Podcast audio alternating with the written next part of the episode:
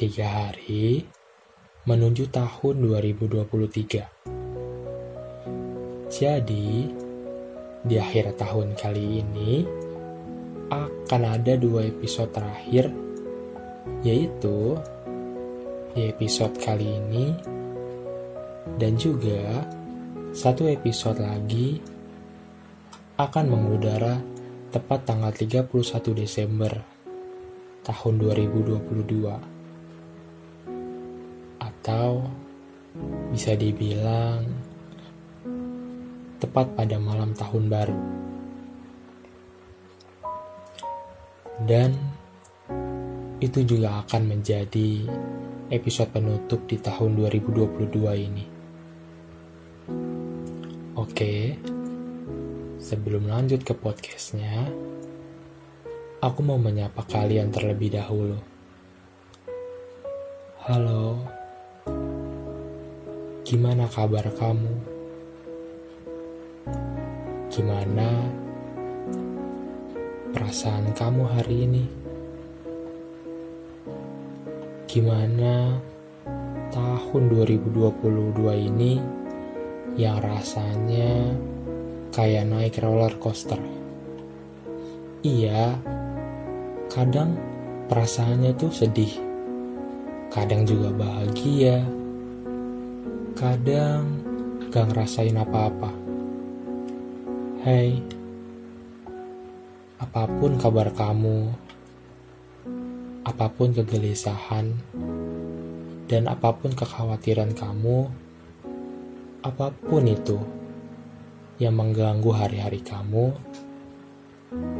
aku doakan Semoga kamu selalu baik-baik aja ya.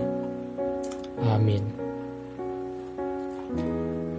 Sebelumnya, aku mau minta maaf karena kita udah jarang ketemu via suara. Maaf kalau aku nggak konsisten upload podcastnya. Karena jujur, sebenarnya aku juga ada kesibukan lain. Seperti baru-baru ini, aku lagi ikut pelatihan dari Google. Tapi, kabar baiknya, sekarang aku lagi sama kamu, dan kamu dengerin suara aku.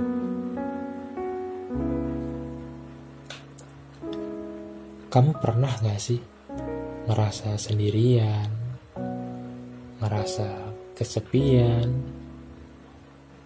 bahkan terkadang dalam keadaan keramaian pun kamu ngerasa kalau orang lain gak ngerti sama perasaan kamu.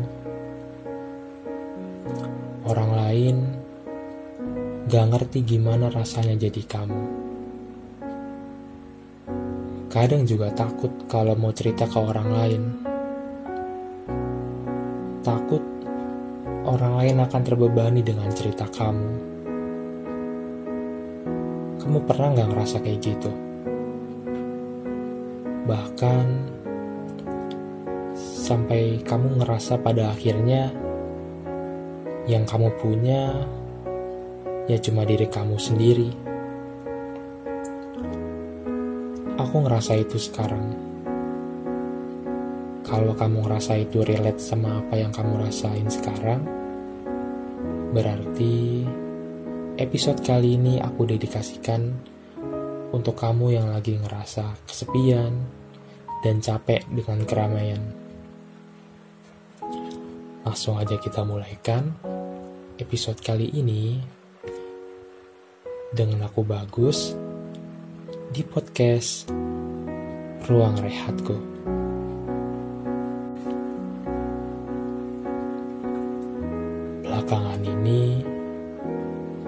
Aku ngerasa kalau hidup memang pada dasarnya tidak pernah adil dan selalu menyedihkan.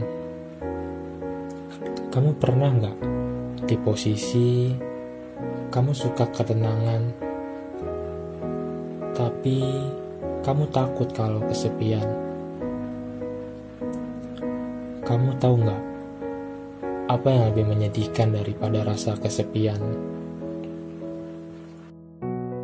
Iya, hal yang lebih menyedihkan daripada rasa kesepian adalah berada di keramaian, tapi kamu tetap merasa sendirian.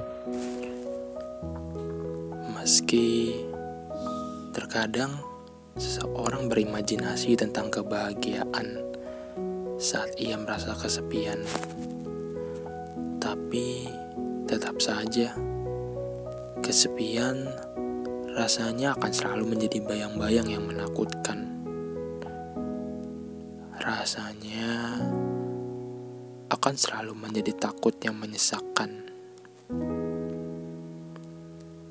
Tidak ada hal yang mudah untuk menerima keadaan.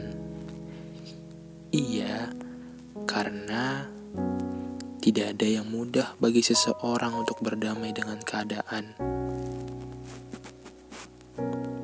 Kamu tahu berinteraksi dengan banyak orang itu adalah hal yang melelahkan.